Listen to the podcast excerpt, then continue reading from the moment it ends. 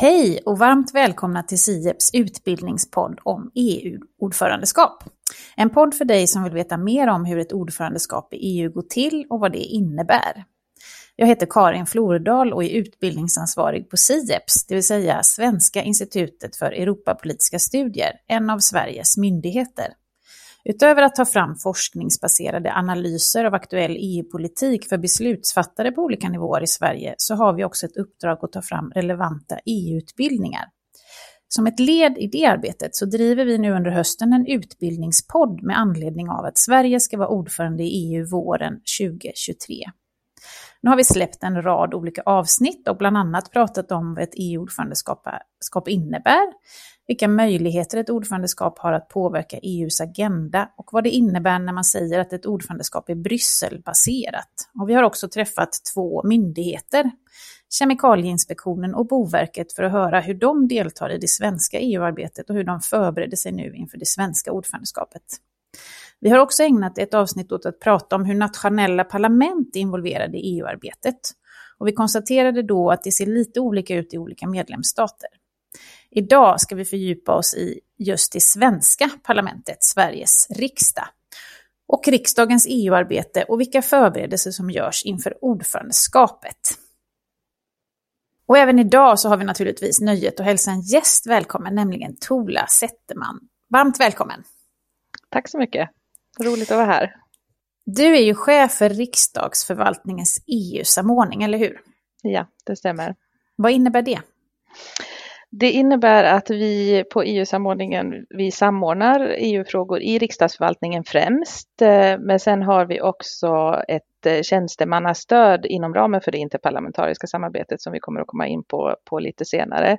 Men det som, den största delen av vårt arbete är ju och ta emot de här um, inkommande dokumenten från EU. Det är 205, 2500 ungefär dokument per år som kommer in till riksdagen och som vi fördelar till våra 15 utskott som ska hantera dem på olika sätt beroende på vad det är för typ av dokument. Så det är något av det vi gör. Just det, så vi konstaterade ju i det här andra avsnittet när vi pratade om nationella parlamenten och EU-arbetet att det som är gemensamt för alla nationella parlament är ju att man just via parlamentet har tagit ett beslut om att, att lämna över viss eh, makt åt EU-nivån eller att lämna över vissa frågor för beslut på EU-nivån för att det gynnar medlemsstaten bäst. Men, mm. men, men som du säger så är det ändå så att riksdagen är involverad eh, på olika sätt. Det stämmer. Och hanterar alla de här dokumenten. Du, innan vi fördjupar oss i riksdagens EU-arbete så tänkte jag vilja ställa en fråga till dig som jag nu har kommit att ställa till alla våra gäster. Har du några minnen av tidigare svenska ordförandeskap, 2001 och 2009?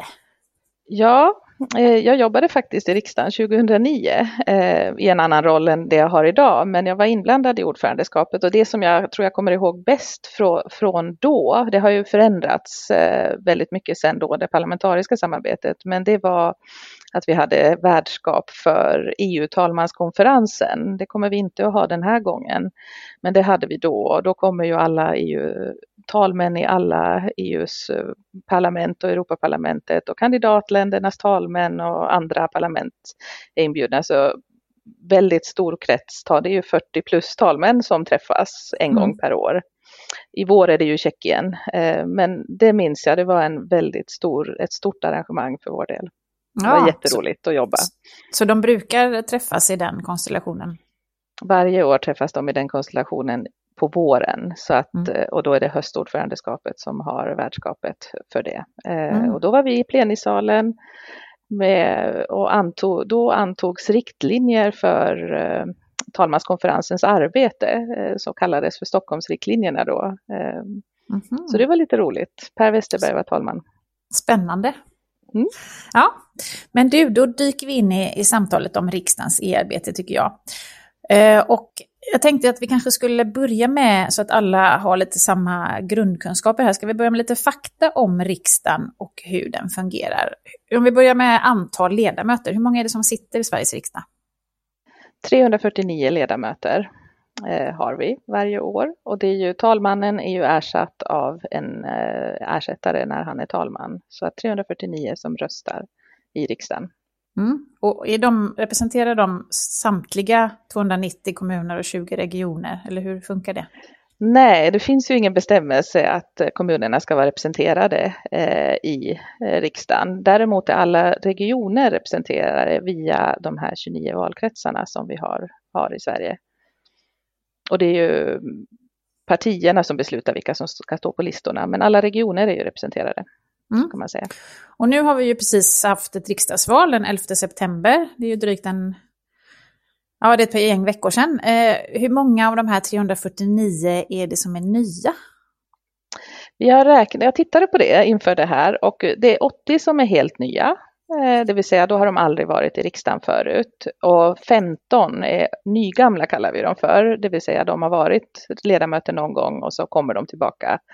Kanske har haft en paus eh, eller eh, ja, av olika skäl. Så att 80 eh, helt nya och 15 nygamla. Det är 95 vilket betyder, och det är ungefär det det är varje år, att varje gång vi har val, att det är ungefär en tredjedel, knappt tredjedel som byts ut av ledamöterna. Mm. Mm. Så det ser, ser lika ut. Ja, och, och, du eftersom det nu då, det här är hösten, samma höst som vi har haft val, eh, ska vi också passa på att ta tillfället i akt och påminna oss vad som sker nu i i riksdagen precis efter ett val. Riksdagen har öppnat, eller hur? Man hade ett officiellt öppnande i september. Ja, och dagen före det här officiella öppnandet så var det ju första sammanträdet för, det nya, för den nyvalda riksdagen. Och, och, då väljs ju talmännen och det var ju, talmannen valdes med acklamation den här gången, eh, men några av de vice talmännen var det, var det talmansval som förrättades i kammaren. Och acklamation, var, vad betyder det? Det betyder att ing, ingen har, det finns ingen motkandidat. Så det finns en, en, ett alternativ och då röstar man, ja då väljs det alternativet så att säga. Och sen om det finns fler än ett alternativ då behöver man ju rösta på olika sätt. Talmansval är ju med slutna valsedlar, vanliga voteringar i kammaren är ju, trycker man på knappar och det är okay. synligt hur man röstar. Mm.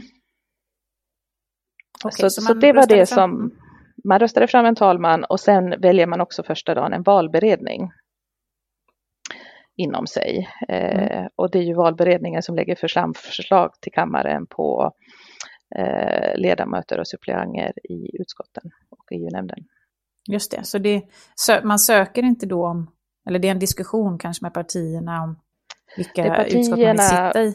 Precis, partierna nominerar ledamöter till utskotten och så fastställs detta av valberedningen som lägger fram det till kammaren och så är det kammaren som väljer.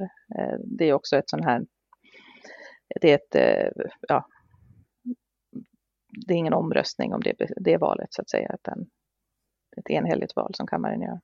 Mm. Så, så nu har vi kommit så pass långt att alla, alla eh, 349 ledamöter har plats, ordinarie platser och också suppleantplatser i utskott, är det så?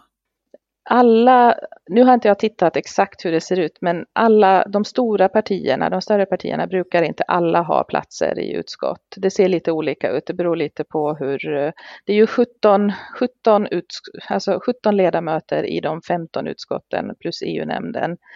Eh, nu vet jag inte vad det blir för siffra, på att säga. Men, men det kan bli så att det finns ledamöter i större partier som inte har en utskottsplats. Men sen har ju alla utskott och EU-nämnden har ju också suppleantplatser eller ersättare, lika många som ledamöter eller fler. Just det. Beroende på. Och det är klart nu, så alla har en, en plats? Så att det är klart och utskotten har också valt ordförande och vice ordförande eh, inom sig. Och haft, de har haft sina konstituerade sammanträden och vissa utskott har också börjat sammanträda eh, på riktigt, så att säga, eller med riktigt arbete nu. Mm. Och vi, du nämnde nu här också EU-nämnden. Ska, vi, ska mm. vi säga någonting om EU-nämnden? För det är ju inget utskott, eller hur? Nej. EU-nämnden är ju eh, det samrådsorganet eh, som, som är inrättat för regeringens samråd som regeringen ska samråda med eh, inför, inför beslut i rådet och eh, inför och om hur förhandlingar i rådet ska föras inför beslut i rådet så att säga. Så att det är den stora skillnaden som vi brukar förklara internt är ju att EU-nämnden bereder inga ärenden. Det är ett rent samrådsorgan medan ärendeberedningen äger rum i utskotten. Mm. Och det gäller för det ordinarie arbetet och riksdagens EU-arbete, samma sak där. Att ärenden som bereds tar utskotten hand om medan EU-nämnden tar hand om samrådet. Mm. Och hur är det, det är ett annorlunda antal ledamöter som sitter i EU-nämnden, visst är det så? Nej, det är samma Nej. antal ledamöter, så 17 okay. precis som utskotten, men de har ett större antal suppleanter som vi kallar det ah. på riksdagsspråk. Eh, för att mindre partier ska kunna representera representeras av olika personer beroende på vilket sakområde som är uppe i EU-nämnden. Så att EU-nämnden har alltid ett större antal suppleanter jämfört mm. med andra utskott. Mm. Och då funderar jag lite grann på det här, eh, du sa att det är ett samråd, att samråden med regeringen sker i EU-nämnden inför eh, att regeringen då ska på eh, ministermöten till exempel i, eh, och träffa andra ministrar i ministerrådet i Bryssel. Eh, påverkas EU-nämnden någonting av, av ordförandeskap? För jag tänker nu när, när det, vi, vi träffade ju EU-ministern tidigare i höst och han mm. var ju väldigt tydlig med att ordförandeskapsrollen som, som man har, eh, eller rollen man har när man är ordförande, det är att man ska vara en, eh, man ska inte driva nationella positioner och driva nationella frågor, utan då ska man vara en honest broker och eh, leda förhandlingarna och vara ganska neutral. Så jag tänker mm. att då kanske inte ministrarna har lika stort behov av att söka samråd för att det inte är det som är huvudfrågan. Men, eller eller hur, vad, hur funkar det? Alltså, i, i praktiken så, så, betyder det att EU-nämnden fortsätter arbeta som vanligt. Eh, samrådsskyldigheten försvinner ju inte för att, eh, för, för, att Sverige har ordförandeskapet. Regeringen måste fortfarande informera och samråda med riksdagen eh, på det sätt som, som, eh, som eh, är överenskommet i, eller enligt de regler som vi har. Eh, men jag tittade tillbaka lite på eh, hur såg det ut 2009? Mm. Eh, och då vid första sammanträdet i EU-nämnden då, som var den 2 juli 2009, så betonade Anders Borg vikten av att nå gemensamma ståndpunkter under ordförandeskapet. Så i likhet med det som, som du hänvisar till med Honest Broker var ju uppe Anders då, Borg, då också. Han var finansminister. Han var finansminister då, ja precis. Mm. Eh, men och sen när jag tittade tillbaka på hur, hur vad pratade man om på EU-nämnden under, under hösten eh, då, så det var mycket om ordförandeskapets arbetsprogram och prioriteringar. Eh, ledamöterna ställde mycket frågor om hur regeringen eh, kommer att arbeta under ordförandeskapet och vilka prioriteringar som görs. Och man kan väl säga att min då tolkning överlag om hur diskussionerna var i nämnden så handlade det liksom om planerade handlingar, mål och ställningstaganden under svenska, eh, svenska ordförandeskapet. Det var mycket fokus på EU-nämnden, men fortfarande så, så, så måste ju regeringen ha en ståndpunkt också även som ordförande så att den mm. ska ju förankras. Just det. För ibland är det ändå så att, att någon annan än ministern får bära Sverigehatten i, mm. i förhandlingar. Precis mm. så. Men du, kan vi, finns det något exempel, jag tänker om man ska jämföra då med vad EU-nämnden får hantera för frågor under ett ordförandeskap. Vad, vad, finns det några exempel på frågor som man, man hanterar nu? Vad kan ministrarna komma, vad kan det handla om för frågor man kommer att samråda om? Ja, nu, nu så i, idag till exempel så, så är det samråd i nämnden inför allmänna rådets möte nästa vecka. Eh, och då brukar vilka ministrar träffas? Då träffas EU-ministrarna i regel, eller från vår del. Sen kan det ju se mm. lite olika ut i andra länder beroende på hur man har delat upp arbetet där. Men vid allmänna rådet är ju EU-ministern som, som representerar Sverige utrikesrådet träffas också nästa vecka och då är det utrikesministern. Eh, och, och då är det de dagordningspunkter som är uppe på rådets möte helt enkelt. Och det här mm. är ju tillgängligt och finns, finns ute så att säga. Men framtids, eh, efterdyningarna av framtidskonferensen är ju en sån sak som allmänna rådet har diskuterat många gånger och som jag tror är uppe eh, nu också till exempel. Mm. Ja just det, och det kan man passa på att påminna lyssnarna om att man kan faktiskt, det gör jag, prenumererar på eh, dagordningar till de olika råden. Och det kan också mm. vara bra att påminna om att det finns ju tio olika ministerkonstellationer som ministrarna från de 27 medlemsstaterna mm. träffas i. Och mm. allmänna rådet är alltså en av dem. Mm. Ja, men du, om vi lämnar EU-nämnden en liten stund och går över till utskotten då. Man, de kallas ju också ibland för fackutskott, eller hur? Mm. Kan vi ge några exempel på utskott? Bara så att man kan få en uppfattning om vilka de är. Ja, men som jag nämnde tidigare så har vi 15 stycken. Eh, och ett exempel, några exempel, konstitutionsutskottet, eh, miljö och jordbruksutskottet, justitieutskottet och kulturutskottet. Mm. Eh, några exempel på utskott. Och vad har de för roll? Och, och vad har de för roll i EU-arbetet? Ja, alltså eftersom utgångspunkterna för riksdagens EU-arbete är att EU-frågorna ska vara en integrerad del av riksdagsarbetet så, så ska riksdags, riksdagen komma in även här tidigt i EUs beslutsprocess. Och vi har, det finns en ambition att all, samtliga riksdagsledamöter ska involveras. Och det ger ju då en central roll för utskotten i de tidiga stadierna av EUs beslutsprocess, men också en roll för kammaren i att skapa öppenhet och insyn när det gäller debatten om EU-frågor. Och utskotten ska överlägga med regeringen eh, i de frågor om arbetet i EU som utskotten själva bestämmer. Överläggning brukar vi kalla för ja, det är en sorts sy, sy, synpunktsutbyte, det vill mm. säga man för fram vad man tycker i olika, olika frågor. Men utskotten ska också följa arbetet inom sina ämnesområden. Och sen en annan stor sak som, som utskotten har är ju att eh, pröva att utkast till unionens lagstiftningsakter eh, inte eller är förenliga med subsidiaritetsprincipen. Men, men eh, om vi eh, pausar lite, så då kan man alltså säga att eh, ministrarna kommer till EU-nämnden för att samråda inför förhandlingar i ministerråden. Men innan dess så har fackutskotten haft diskussioner med regeringsrepresentanter och ministrar. Mm. innan, innan, innan man ens kommer dit. Liksom. Mm. Det vanliga är ju att, att kommissionen presenterar ett förslag till lagstiftning på en förordning eller direktiv. Det kan också vara andra typer av dokument, men om vi tar det som exempel, mm. eh, så lämnar ju vi på EU-samordningen över det till det utskott som, som hanterar det dokumentet, eh, eller som har det, det sakområdet. Och då bestämmer utskottet, är det här någonting vi vill få information om från regeringen, eller vet vi redan vad vi tycker här och vill överlägga direkt? Eh, och så börjar de processen där och då är det ju länge kvar eh, innan, innan beslutet i rådet äger rum. Eh, det kan, beror ju på hur snabbt det går, men det kan ju vara flera år ibland. Eh, mm. Så att där börjar utskotten egentligen och sen följer de den här processen hela vägen tills det är dags för EU-nämnden att gå in.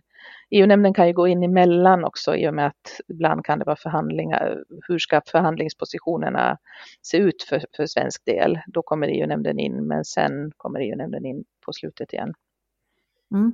Så även om man som vi pratade om inledningsvis då vid ett demokratiskt beslut i riksdagen har överlämnat eh, mm. till regeringen att vara beslutsfattare i EU-sammanhang så har man ändå fortfarande har regeringen en liksom, informationsskyldighet och en skyldighet mm. att hålla riksdags, riksdagens ledamöter uppdaterade och att diskutera och hela Så vägen. Jag skulle vilja säga att informationsskyldigheten är mycket regeringens ansvar. De måste informera om allt som riksdagen behöver få information om. Medan överläggningar, då är det mer utskotten själva som bestämmer vad vill våra, vill våra, vill våra ledamöter eh, skicka, göra medskick till regeringen under förhandlingarnas gång. Eh, så. Mm. Och sen nämnde du också det här eh, subsidiaritetsprövning. Mm. Det är någonting som utskotten gör också. Vad innebär det? Ja, om man ska förklara det på ett lätt sätt och kort sätt eh, så, så, så, handlar det om en lämplighetsprövning, det vill säga ska ett förslag som kommissionen, vanligen kommissionen, det kan ju vara andra, eh, andra aktörer också, men kommissionen är ju det vanligaste och lägger fram, eh, så, så handlar subsidiaritetsprövningen om att avgöra om det är lämpligt vilka, eh, att det här beslutet ska fattas på EU-nivå eller om det vore lämpligare att det fattades på en annan nivå. Så att det är ingen juridisk prövning av, eh, av eh, om förslaget eller en prövning av om förslaget är bra eller dåligt, utan vilken nivå ska det här förslaget prövas på. Och det ska ju göras inom åtta veckor från att eh, förslaget är presenterat eller från att alla språkversioner finns tillgängliga. Eh, ja, just det, för alla, det väldigt... alla nationella parlament gör det här samtidigt. Ja, mm. alla gör det här samtidigt och de riksdagen har ju valt en, en modell där vi prövar allt. Eh, många andra parlament har en modell att de gör ett urval. Ja, men det här subsidiaritetsprövar vi av olika skäl, politiskt intressant eller eh, stor fråga för, för, för det landet. Det spekulerar jag bara vad det skulle mm. kunna vara. Men mm. riksdagen prövar allt, gör inget urval, så allt som är en utkast till lagstiftningsakt prövar riksdagen. Mm. Och, mm. Mm. Och, eh, och då är det fortfarande så att det följer det här som du nämnde tidigare, att de eh, ärendena som kommer från kommissionen fördelas på utskotten utifrån ja. vilket, vilket fackutskott det är. Och det gäller ja. även subprövning, så alla ja. utskott mer eller mindre gör subsidiaritetsprövningar. Mm. Sen är det olika mycket subsidiaritetsprövning på olika politikområden. Eh, mm. Så att Kulturutskottet som jag nämnde tidigare, de har inte många subsidiaritetsärenden bakåt sett heller, medan både miljö och jordbruksutskottet och justitieutskottet har många subsidiaritetsprövningar och inte minst finansutskottet. Eh, så att det är olika många ärenden på, på olika utskottsområden. Går det att säga Men, någonting om hur många ärenden det är på ett år? Är det, det 50 är, eller 150? Nej, men alltså, det kan variera mellan, mellan eh, ja men säg att 80-100 per mm. år om jag ska mm. ta en generell siffra. Ibland har det varit mer och såklart de år det är val, eh, alltså val till Europaparlamentet och ny kommission så är det ju färre. Eh, mm. Så. På grund av att det kommer färre förslag då? Från... Ja, mm. precis. Mm. Så att, men, men och knappt 10 procent av alla de här eh, runt 100 eh, subsidiaritetsprövningar som riksdagens utskott gör så resulterar i ett motiverat yttrande som Och vad betyder det? Ja, då betyder det att riksdagen tycker att, eh, att förslaget inte är förenligt med subsidiaritetsprincipen förklara, och i det här motiverade yttrandet så förklarar riksdagen varför den tycker det. Eh, och så skickas det här, ja, det är som en riksdagsskrivelse i det ordinarie riksdagsarbetet, men den går till EUs institutioner istället för regeringen. Just det, och att man inte tycker att det är förenligt med den här principen, det innebär alltså att man, man inte tycker att det är en fråga som som, eh, som, som görs bäst på EU-nivån, utan att det Precis. borde ske på nationell nivå eller möjligen regional eller lokal. Precis. Mm. Och, och, hur, hur eh, om man ser till eh, Sveriges riksdag i förhållande till de andra parlamenten, är vi aktiva, bland de mer aktiva eller är det, är det något ju... som funkar tror du? Eh, vi blir ju naturligt mer aktiva i och med att vi prövar allt. Mm. Eh, så, så på det sättet är vi ju mer aktiva. Mm. Sen, sen när det gäller antal motiverade yttranden så har vi ju länge, länge legat högt i, i jämförelse med andra um, och, och ligger fortfarande inte kanske lika högt som vi har legat tidigare eh, när det gäller, om man tittar till siffror rent så. Eh, men i och med att riksdagen gör en så noggrann prövning och den här prövningen görs av fackutskotten, alltså de som kan sakfrågan bäst, så blir det ju, tycker jag, en, en, en gedigen granskning som, som riksdagen gör. I andra parlament så kan ju kan EU-utskotten kanske göra den här prövningen och då kanske man inte har lika djup kunskap om eh, sakfrågan. Just det. Så eh, återigen kommer det in här att parlament jobbar, nationella parlament får välja själva hur de jobbar med EU-frågor. Ja, precis. Mm.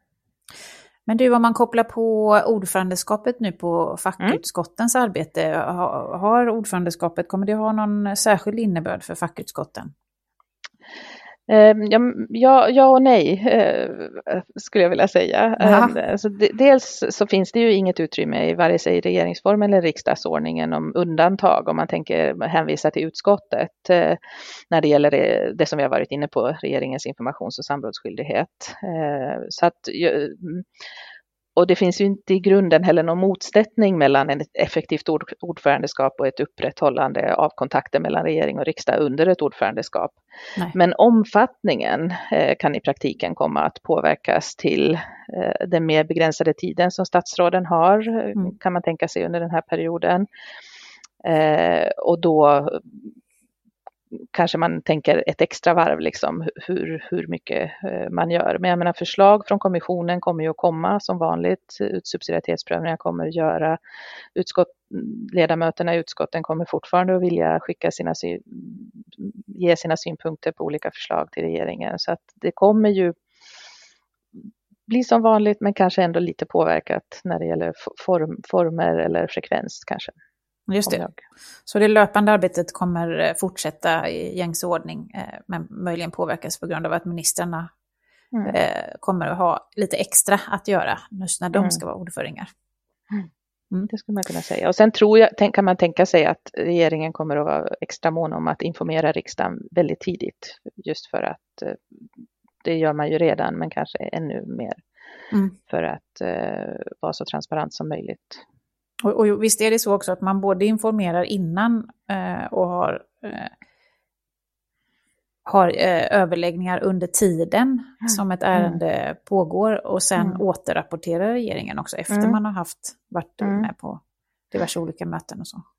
Precis, det är mm. ju dels får vi ju skriftliga återrapporter från rådsmöten, eh, men det är också muntliga återrapporter i nämnden när de är där nästa gång inför samma rådsmöte. Men sen har vi ju de här återrapporteringarna i kammaren från Europeiska rådets möten som jag kanske inte har nämnt tidigare, men när Europeiska rådet möts så är ju... Det vill säga alla stats och regeringschefer. Just det, mm. just det. Så är ju statsministern i, i nämnden inför ett sådant möte och sen återrapporterar statsministern i kammaren efter ett sådant möte. Mm. Mm. Så att, så att där, där har vi ju, så att vi har ju det som riksdagen, det som skiljer riksdagen också, återigen från andra parlament, att vi har ju både den här förhandskontrollen och kunna påverka ager, regeringens agerande, eh, eller i, i den mån förhandskontroll. Vi kan påverka hur regeringen agerar innan och sen kan vi följa upp det efteråt, eh, hur regeringen har agerat. Eh, Medan andra parlament, många andra parlament har antingen eller. Eh, så finns de som har det eh, lika bra som vi, om jag får säga så. Mm. Eh, men, men eh, det ser olika ut. Det ser olika ut.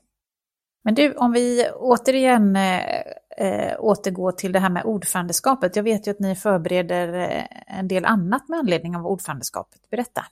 Ja, jo men vi, vi har eh, eh under, under ordförandeskap, och det här är skillnad från 2009 som jag var inne på i början av det, av det här samtalet, men numera finns det något som vi kallar för den parlamentariska dimensionen av, det, av ett ordförandeskap.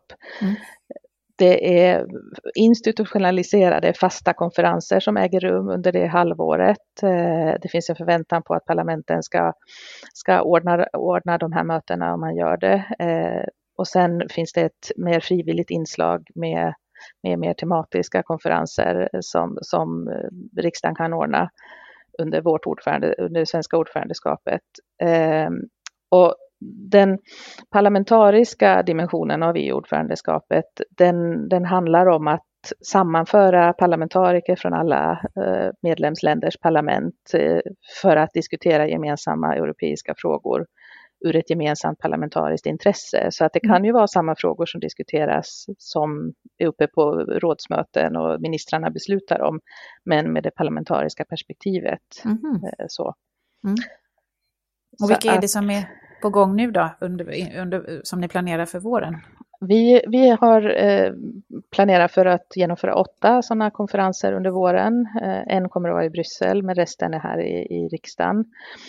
Och jag kan nämna två av dem här eftersom eh, vi inte ännu har gått ut, planeringen är inte avstämd, mm. avstämd med, ny, med nya riksdagen ännu. Men, men två som vi kommer att ordna som vi vet att eh, av de här fasta konferenserna det är COSAC-konferensen. Mm. Som vad, vad står den förkortningen för? Precis. Eller vad, in, tänkte, sagt, vad innebär förkortningen? Det kanske är bättre. Jag tänkte att du skulle fråga det. Eh, jo men det, det, är, ja COSAC-förkortningen tänker jag, det är något på franska. Jag, ja. Men vad innebär det? Vilka är det som samlas? Men den innebär att det är EU-nämndens motsvarigheter i de andra okay. parlamenten som träffas. Mm. Och det gör mm. de två gånger per år, eller fyra mm. gånger egentligen, men, men det är två stora konferenser. Sen har vi något som är ganska nytt, eh, fanns inte 2009, och det är den parlamentariska kontrollgruppen för Europol. Mm. IPSG kallar vi den på fackspråk hos oss. Eh, mm. De träffas och pratar om Europols arbete och europeiskt polissamarbete. Just det. Så polissamarbete som är liksom fokus för den konferensen. Ja, mm. så det, det, är två exempel. Mm. Och kommer alla de här konferenserna nu, du nämnde att de var i, i, Sverige så det är kanske är en dum fråga, men de är fysiska? Ja, ja. det planerar vi för, i alla fall mm. i dagsläget. Mm. Eh, en kommer att vara digital och också, planerar vi också för. Mm. Faktiskt.